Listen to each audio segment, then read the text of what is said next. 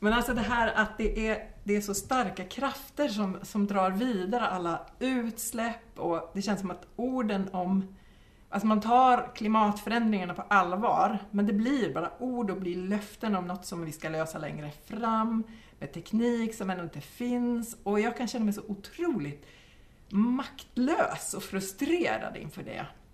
Vad känner du dig maktlös inför?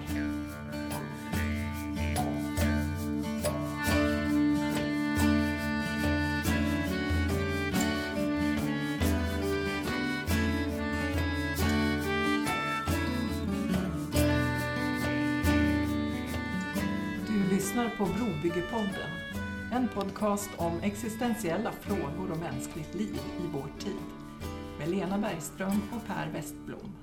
Och temat är 12 steg och klimatet. Vad känner du dig maktlös inför? Jag kan känna mig maktlös inför min egen oförmåga, eh, min tröghet. Jag kan känna mig maktlös inför andra människors beteende och hela den rörelse och felaktiga rörelse jag ser i världen.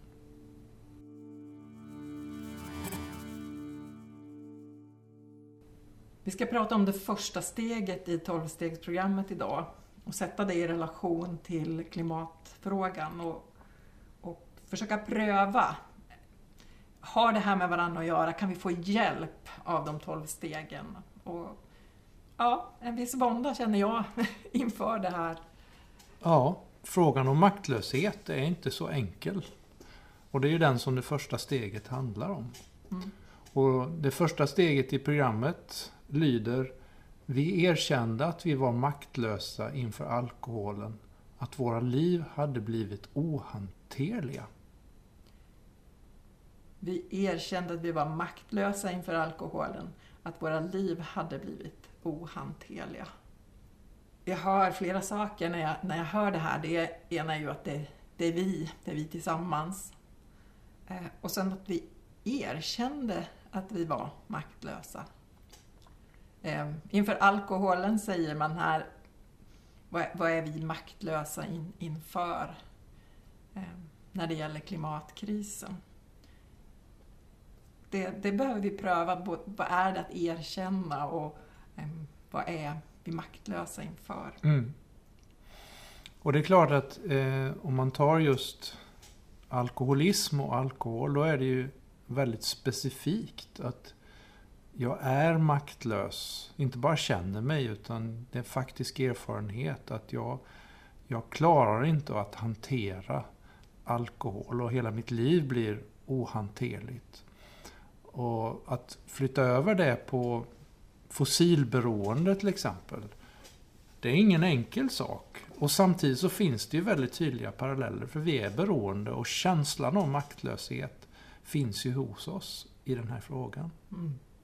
Ja, för det, om, om jag, eh, jag som är engagerad väldigt mycket för, för klimatet, för, för biologisk mångfald och så, det är så viktigt för mig och försöka hitta vägar att leva i, i det här samhället som är mindre belastande. Men det är ju liksom, vi, oljan är överallt, mm. plasten är överallt. Mm. Det, det är så, vårt system är så genomsyrat av, mm. av det här att det, det, är väldigt komplicerat att försöka, eh, försöka få till ett liv som inte är beroende. Mm. Mm. Det är klart att när man säger att man är maktlös Eh, och, och, livet är ohanterligt. Eh, så kan det både låta som och faktiskt vara så att jag inte kan göra någonting. Eh, och det är klart att även en alkoholist kan ju göra någonting. Han kan göra uppehåll och ha vita veckor. Men, men till slut så är ändå riktningen ofrånkomlig. Jag fortsätter att dricka fastän jag vet att det inte är bra för mig. Mm.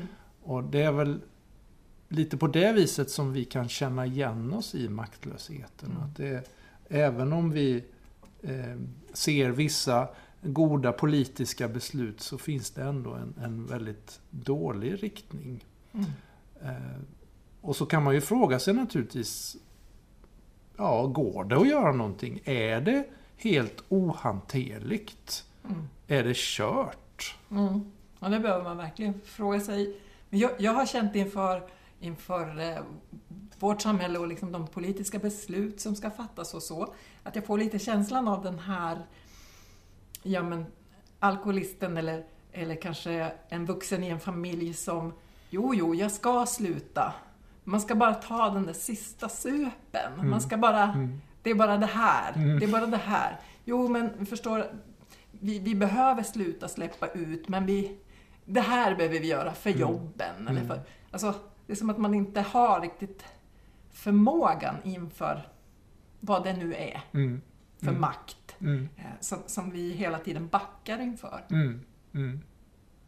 Det är intressant att du, att du tar liksom eh, den här bilden av, av att någon adresserar sin familj. För att i, i, i de tolv stegen så, så talar man ju ofta om hur, hur alkoholistens drickande påverkar just familjen och hela omgivningen. Så de är ju indragna i missbruket och eh, be- beroendet. Ja. Och, och, och det stämmer ju också ganska väl med hur, hur fo- fossilberoendet och, och, klimatproblematiken ser ut. Att vad jag gör påverkar inte sällan helt andra människor som inte har någonting med min konsumtion att göra. Ja.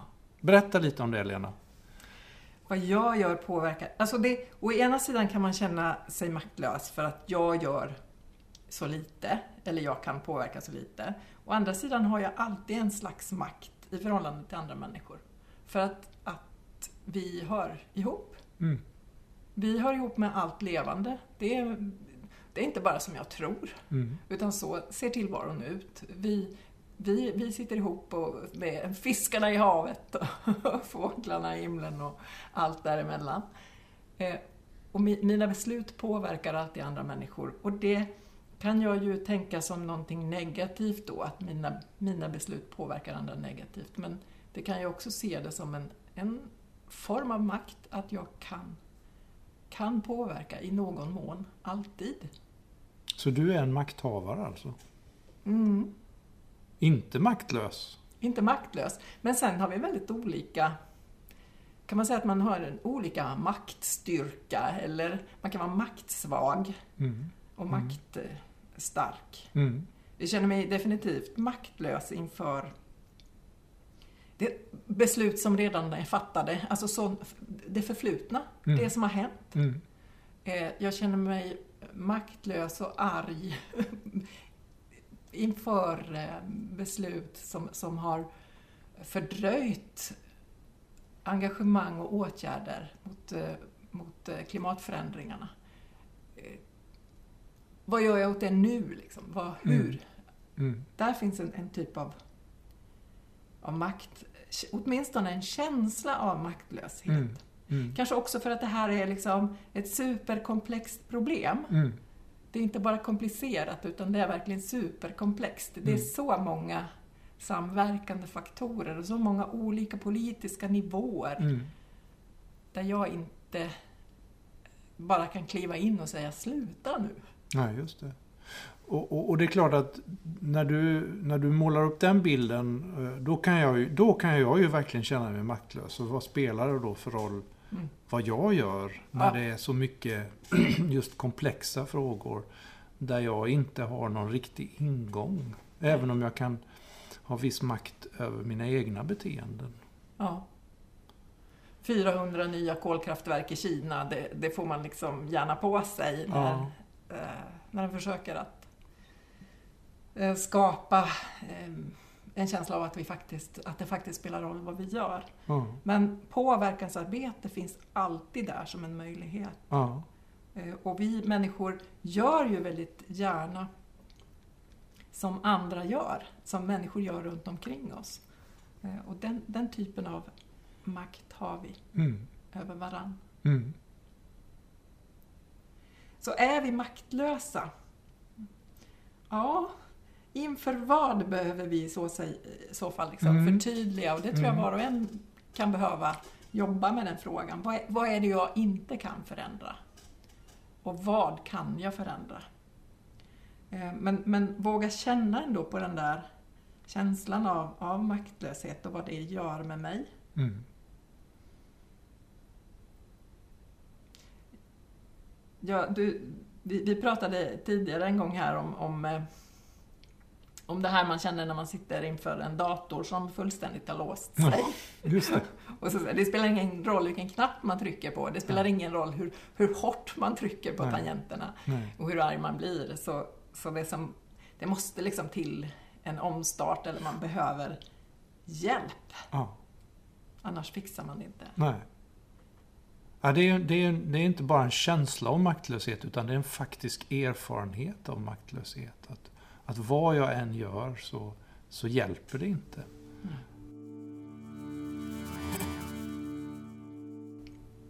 Om man skulle säga någonting om, om det här med att vårt liv har blivit ohanterligt. Ska vi beskriva någonting av, av nuläget som gör att man kan känna, känna det? Mm. På vilket sätt har livet blivit ohanterligt? Jag kan säga en, en massa om, om hur det ser ut i världen. Ja, men gör det. Det, det tror jag, jag. Jag behöver höra det. Ja, vi lever i en pandemi, det vet alla. Ja. Eh, det har man inte missat och att det faktiskt skulle kunna ha samband, eller har samband med hur vi lever tillsammans med naturen. Eh, Det kan man undersöka om man blir nyfiken på det. Men vi lever också då i en ekologisk kris.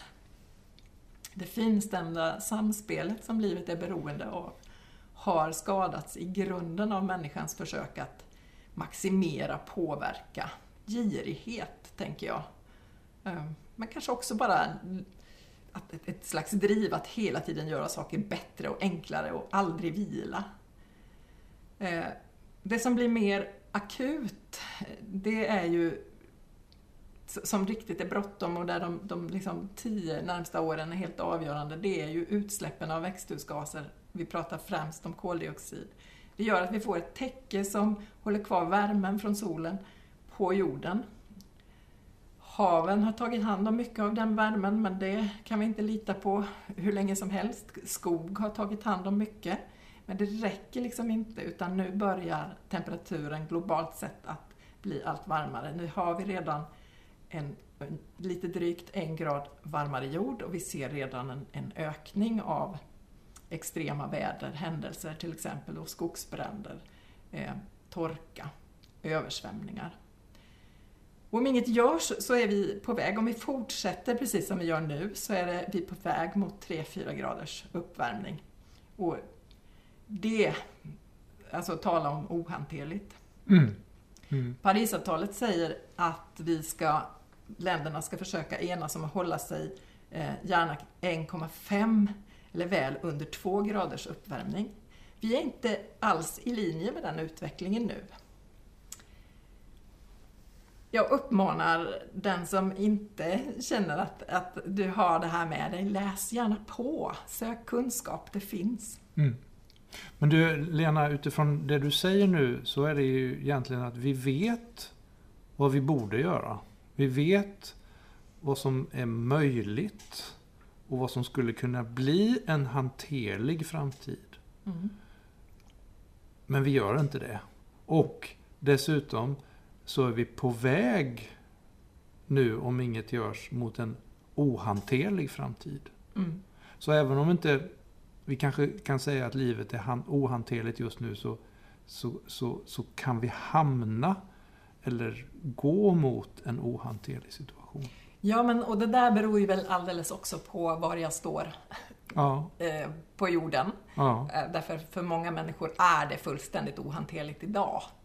Eh, det är, människor lever ju redan nu med konsekvenserna av, av missväxt och, och hunger och i konfrontationer eh, kring avverkning av skog och andra sådana sa- saker. Det, det, det är redan en ohanterlig situation på många platser eh, på vår jord. Och också för många, inte minst barn och unga i vårt land, eh, ser det ohanterligt ut livet. just det. Därför att man känner sig maktlös Ja. inför framtiden och, och att man inte får vara med och, och påverka den. Ja, Eh, Det är lätt för, för, för oss som är snart 60 och, ja, och tänk, men om man, om man liksom tittar framåt och är, är 10 år, eller 20 eller 30 år så vet man att det här händer, det här händer nu, det händer i mitt liv. mm.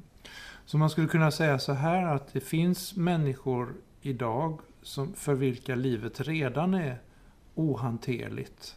Men det är egentligen inte de som är missbrukarna i Ja. första hand. Precis. Utan det är vi. Mm. Och det gör ju att det blir en väldigt o... Alltså det blir... Tillämpningen av det här det är att eh, de erkänner sin ohanterlighet men, men lösningen ligger hos oss. Mm. Och då kan jag ju verkligen förstå den känsla av maktlöshet som de kan uppleva. Och vilket ansvar jag får. Mm.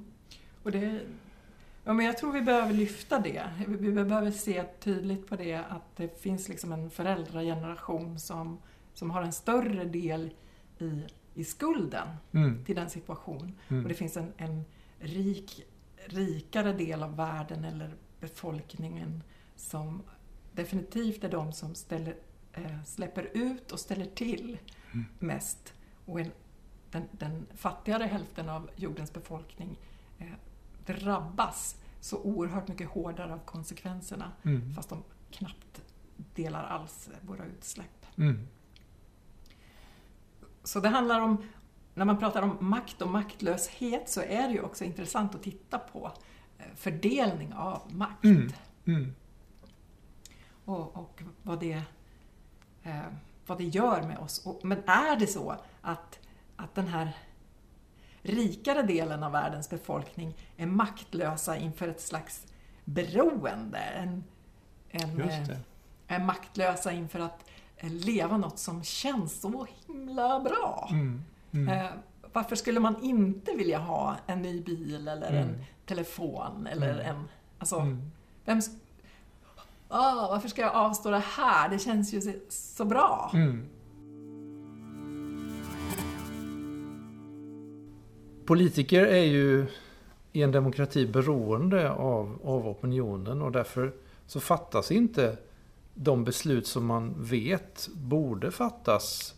Eh, för då är man rädd för, eller med all sannolikhet så kommer man inte bli omvald vid, vid nästa val. Och, och ja, där är tydligen makten viktigare då. Samtidigt så har vi ju sett nu när vi har en, en pandemi att politiker när de verkligen inser att nu är vi på väg mot en katastrof som på ett sätt är mycket mindre än, än, än klimatkatastrofen. Eh, att då fattas väldigt handfasta och tydliga beslut och vi får förbud eh, som faktiskt också påverkar klimatet i positiv Mm, mm. riktning. Så det är ju möjligt när man inser allvaret på något sätt att göra någonting som man vet är rätt. Mm. Och där det, de, jag tänker att de ändå har sett ett väldigt tydligt allmän intresse att vi går med dem i det här, för Ja. vi vill inte dö. Nej, nej Och- det är sant. Och då skulle man ju kunna tänka att samma typ av argumentation skulle fungera Ja, när det gäller klimatkrisen. Jo. Eller? Man tycker det. Man tycker det. Men det, jag tror att det finns en till sak som man behöver lyfta in i det här. Det finns ett begrepp som eh, bland klimatpsykologerna, eh, det finns ett gäng som heter så, det finns en jättebra bok om klimatpsykologi.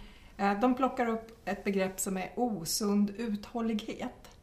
Och det är det här att vi tenderar att fortsätta investera i sånt som vi redan har lagt mycket tid och pengar eller kraft på. Även om vi märker att den här första investeringen är, är liksom fel eller missriktad, inte funkar. Det är som att vi går hellre fel än vänder om. Mm. Vi Mm. går hellre vilse än tillbaka. Mm. Och det är ett, det är ett mänskligt beteende. Osund uthållighet. Ja, just det. Och det, det tänker jag, det finns i oss som människor och i vårt samhälle väldigt tydligt. Och vi har ju investerat väldigt mycket i, den, i de eh, strukturer, eh, kommunikationer, Mm, mm, arbetstillfällen. mm. Allt bygger så mycket på det här. Mm. Uthållighet är ju annars ett, ett positivt ord. Och, och man talar ibland om att vi behöver uthålliga system och, och så här. Mm. Men, men här, här, här finns det en, en, en, en negativ uthållighet alltså. Mm. Men jag tror att det är en, en viktig del i att förstå. Det är så lätt att bara tänka att alla är dumma i huvudet, helt enkelt. Men, men det finns liksom psykologiska förklaringar till att vi beter oss så här. Eh, och att det är väldigt svårt att, eh, Alltså vi, man behöver bli medvetandegjord, eller man Mm. behöver förstå att Mm. vi funkar på det här sättet Mm. för att vi ska kunna Mm. hjälpa varandra och gå vidare. Men liksom att, att erkänna min osunda uthållighet Mm. kan ju också vara en del i att eh, det kanske är någonting som vi behöver liksom erkänna tillsammans. Mm. Mm. Eh, och att livet blir, blir liksom, vi går vilse för att vi, vi håller så fast vid våra gamla beteenden. Jo. Vi är så rädda för, för eh, det som skulle hända om vi gjorde annorlunda. Ja. Vi, vi vet ju inte hur det ser ut. Nej. Jag tänker att någonstans kan en alkoholist vara trygg med sitt eller en, en, en missbruk. Man kan vara trygg i sitt missbruk för man vet hur det är. Ja. Och man vet att det, det dövar ångesten åtminstone tillfälligt. Så det får ju en, en, en, en god effekt just nu i Mm. alla fall. Mm. Men eh, att erkänna sin maktlöshet. Eh, är det samma sak som att erkänna någon form av hopplöshet? Är det, är det hopplöshet som vi vill nå fram till i första steget? Mm. Eller är hopp någonting som vi behöver för att kunna gå vidare, tror du Lena? Ja, det där är en diskussion som verkligen pågår, i, inte minst i klimatsammanhang, att, att en del argumenterar för att vi måste känna hopplöshet. Vi måste, och då menar man vi måste förstå hur otroligt allvarlig situationen är. Att vi har inte de här åren på oss. Vi måste agera exakt nu, nu, nu. Eh, och, och att det är den typen av, av desperation som gör att vi vågar agera på ett sätt som, som tvingar makthavare att också förändra.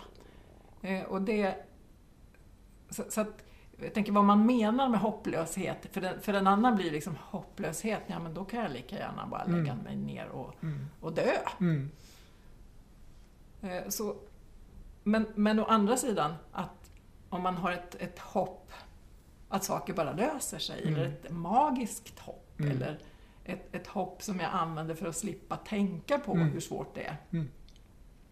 Eh, det, om, om det ska vara något med ett hopp, om vi ska ha hjälp av det, Mm. så ska det sätta mig i rörelse, tänker jag. Ja. Det ska... Ja, jag ska...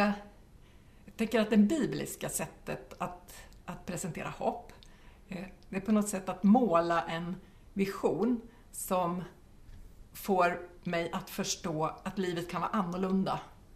Det måste inte se ut så som det gör nu. Mm. Det går att leva tillsammans på ett bättre sätt. Mm. Eller eh, det finns ett starkt löfte om eh, liv. Eh, och, det är inte bara vilket liv som helst utan ett, ett liv i, i fred eller ett liv i shalom i Mm. en sån biblisk vision. Mm. Och det sätter oss i rörelse, tänker jag. Det, det får oss att ändå ta de där stegen. Jag vill leva liksom i, i, i linje med det. Jag vill vara på väg dit, oavsett hur det går.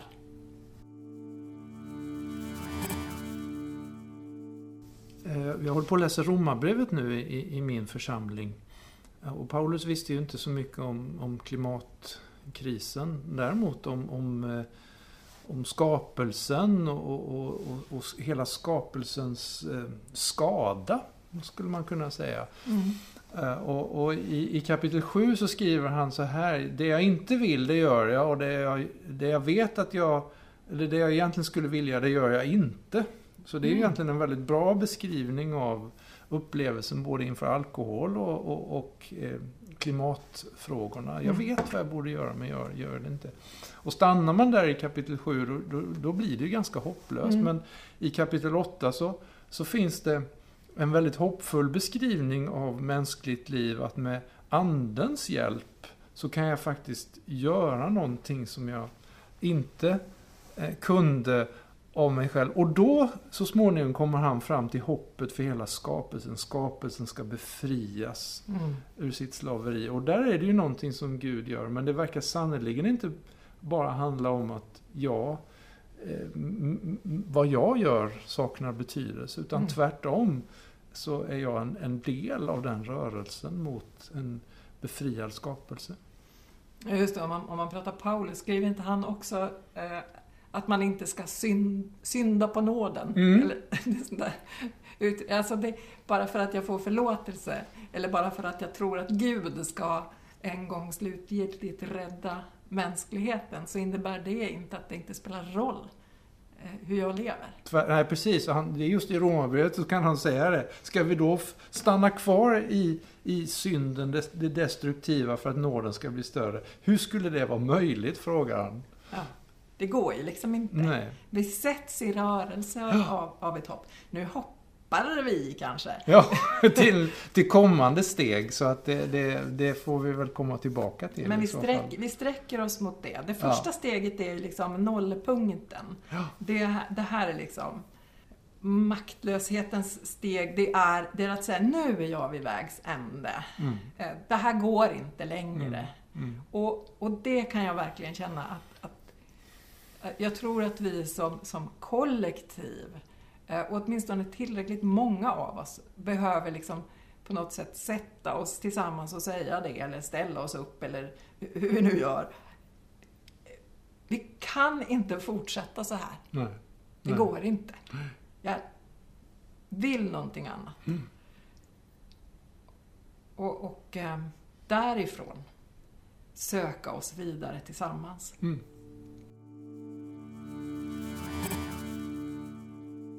Nästa gång ska vi ändå fortsätta att prata om steg två och steg tre. Mm. Eh, och eh, den, som, den som vill kan ju jobba med, med att formulera inför det programmet. Dels, hur skulle jag vilja beskriva problemet? Mm. Vad är problemet? Mm. Mm. Utifrån min, min horisont. Mm. Men också kanske nosa lite på frågan, vad sträcker jag mig mot? Eh, vad, finns det ett hopp eller finns det någonting större Mm. som, som, som får mig att komma i rörelse? Mm. Att ändå börja pröva lite den tanken. Mm. Om, vi, om vi nu ska liksom fundera på, har, har, vi, har vi hittat en, en koppling mellan eh, klimatkrisen, klimatfossilberoendet och det första steget om maktlöshet och ohanterlighet? Vad säger du Lena? Jag tycker att det finns både det som, som stämmer Mm. eh, och det som kanske skaver lite. Ja. Jag tror att, att vi definitivt eh, behöver förstå att vi är maktlösa på det sättet att det här är så stora system att det krävs mycket mer än bara mina resurser. ja. Det tror jag.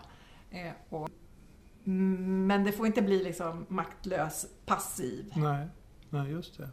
Det finns sånt som vi faktiskt kan göra, ska det visa sig så småningom. Och det, det säger man ju också i tolvstegsprogrammet, kan vi ju förutskicka. Eh, och, och för mig blev det också en, en viktig tanke det här att vi ändå är på väg mot ohanterlighet i värsta fall. Och att för vissa människor så är det redan ohanterligt. Mm. Och då blir det en faktisk maktlöshet. Mm. Att våga, våga ta sig in lite i den här känslan eh, och våga tänka vi behöver hjälp och vi behöver varandra. Och vi behöver sträcka oss mot något annat än det som bara är business as usual Mm. eller Mm. livet som det har sett ut för oss Mm. hittills.